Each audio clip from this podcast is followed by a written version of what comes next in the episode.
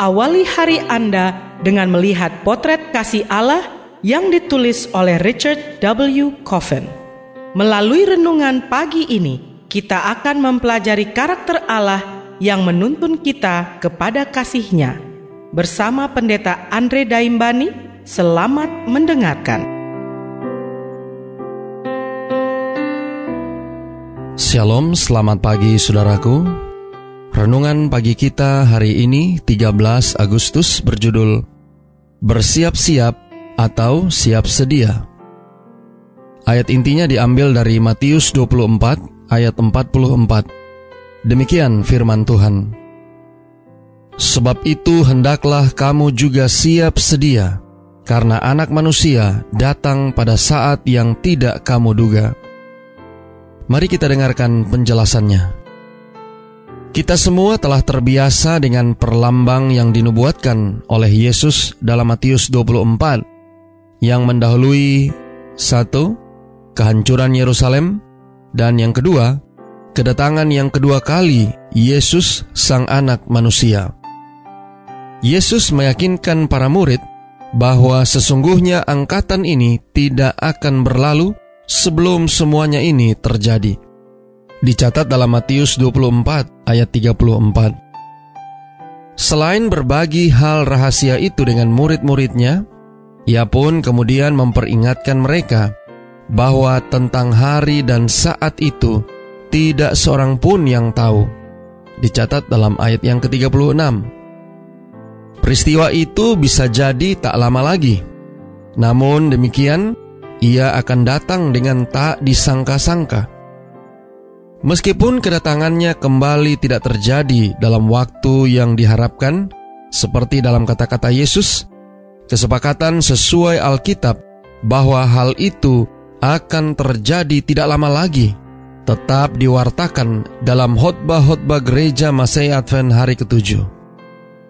Saudara-saudari kita, anggota jemaat, kerap melontarkan harapan bahwa hal itu tidak akan lama lagi dan kita semua telah mendengar para pengkhotbah Advent menasehati mereka yang berada di dalam maupun di luar gereja untuk bersiap-siap.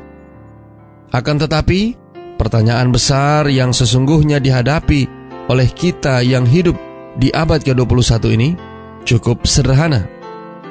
Bagaimana seharusnya kita hidup dalam menghadapi kedatangan yang sudah dekat itu?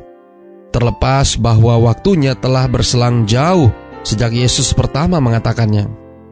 Pertama, kita perlu mengenali ketidaktahuan kita tentang masa depan, terutama mengenai kapan Yesus akan datang. Namun, dengan tiadanya pengetahuan tentang itu, kita tetap memegang iman bahwa Ia akan datang kembali.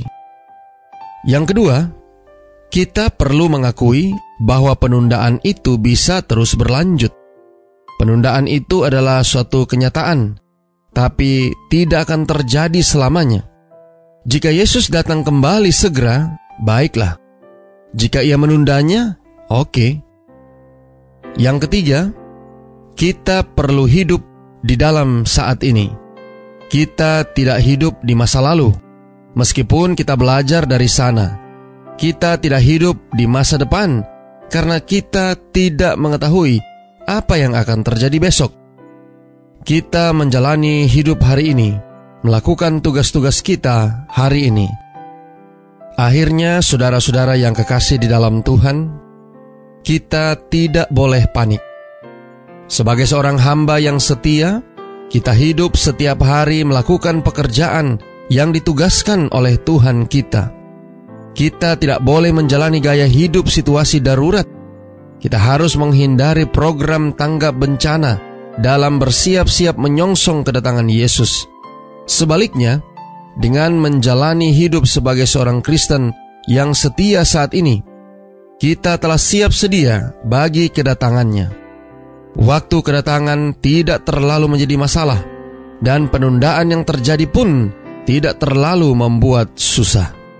Doa kita hari ini, Bapa terima kasih Melalui renungan pagi ini, kami boleh belajar bagaimana kami harus bersiap sedia untuk kedatangan Tuhan yang sudah tidak lama lagi. Tolong kami hari ini Bapa, biarlah dengan pertolongan kuasa roh kudusmu, kami boleh bersama-sama untuk boleh diyakinkan akan pastinya kedatangan Tuhan yang sudah tidak lama lagi. Terima kasih Bapa. Inilah doa dan permohonan kami kepadamu.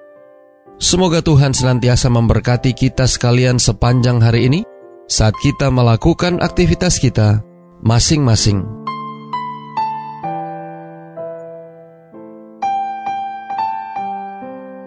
Demikianlah tadi pembahasan tentang potret kasih Allah.